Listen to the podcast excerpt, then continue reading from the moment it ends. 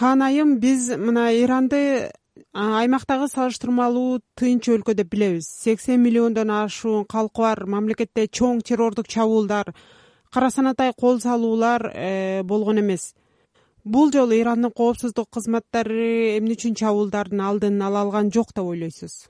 There was also announcements by the intelligence ministry that some have been arrested beforehand before ирандын чалгын министрлиги кол салууга чейин шектүү адамдар кармалганын маалымдады. Соңку апталарда ирандын атайын кызматтары алар атагандай террордук уюмдар менен күрөш жүрүп жатканы тууралуу кабарлар чыгып калып жаткан. Белгилей кетчү нерсе иранда кимдер качан кандайча кармалганы тууралуу ирандыктарбы же чоочундарбы айтылбайт бүгүнкү окуя боюнча ислам республикасы жарыялаган сүрөттөрдөн кол салгандарды видеодон алардын үндөрүн угууга болот. Андыктан балким бийликтер кол салгандардын тег жайы тууралуу маалымат бериши мүмкүн. It might encourage the authorities to publish more information about who these people were.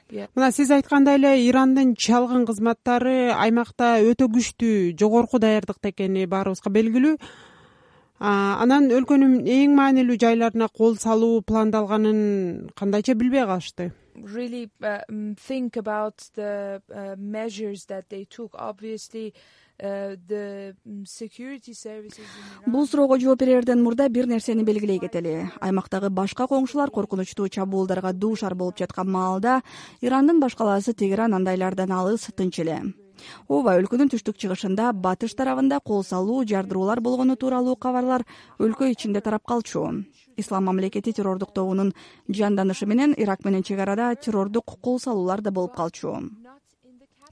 Бул жолу мурда болуп көрбөгөн окуя болду. Баш калаада өлкөнүн күрөө тамыры болгон парламентке ирандыктар үчүн символикалык мааниге ээ аятолла хоменейнин мавзолейине жасалган чабуул окуянын башкаларга окшобогонун көрсөтөт анан дагы кол салуу ирандын коопсуздук кызматтары алар айткандай терроризмге каршы тынымсыз күрөш жүрүүдө деген маалда болду.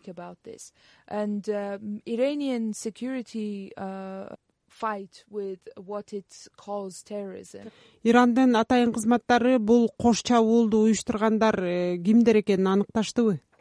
According to a video and a post online uh, the интернетке чыккан видеодо жана онлайн маалыматтарда ислам мамлекети радикал тобу кол салууну мойнуна алды. Бирок иран бийликтери азырынча ушул топ чабуулду жасады деп бышыктай элек. Тегерандагы бул чабуулдар өзүңүз билгендей жакынкы чыгышта дипломатиялык жаңжал ырбап жаткан маалда болду катар мамлекетине бойкот жарыялаган бир нече араб өлкөлөрү катар бийликтерин иранды колдойт деп дагы айыпташкан.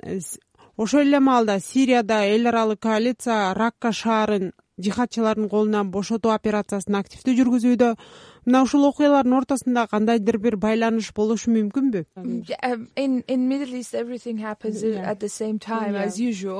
Uh, жакынкы чыгышта адатта бир канча окуя бир учурда болот эмеспи. Ооба сауд аравия менен анын өнөктөштөрүнүн катарлыктарга койгон айыптарынын бири катардын иранга жакын экени. Бирок айта кетчү сөз катар менен ирандын алакасы ошончолук дипломатиялык көйгөй жараткандай өтө жакын деле эмес. Ооба арабтар катар менен байланышын токтоткондон кийин иран катар менен сүйлөшүп керек болсо тамак аш жиберебиз аба мейкиндигибизден колдонгула деп айтышты.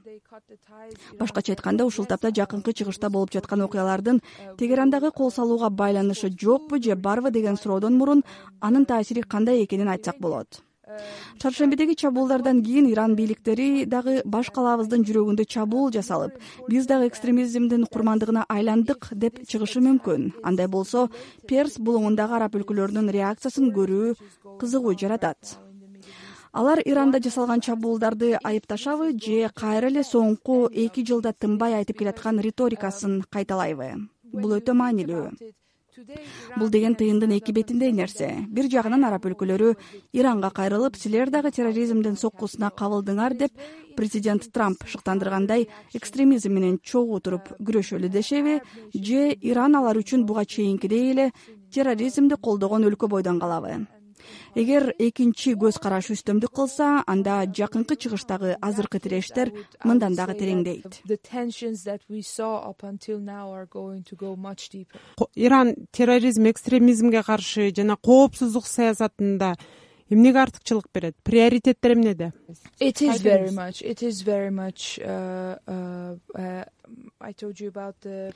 ирандын саясатына кылды атабай салсак терроризмге каршы күрөш менен өлкөдөгү темирдей бекем бийликтин кысымынын ортосундагы айырманы ажыраттуу дээрлик мүмкүн эмес.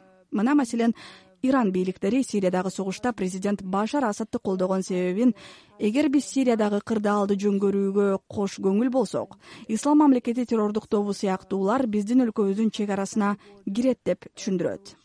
Эми айрым аналитиктердин айткандарын уксак тегеран сирия согушуна жигердүү катышканга жакшы жүйөө табылды мен жогоруда айткандай ирандын саясатын анализдөө өтө кылдаттыкты талап кылат. Анткени бийликтердин экстремизм терроризмге каршы күрөшү менен карапайым адамдарга жасаган кысымын айырып билүү дээрлик мүмкүн эмес.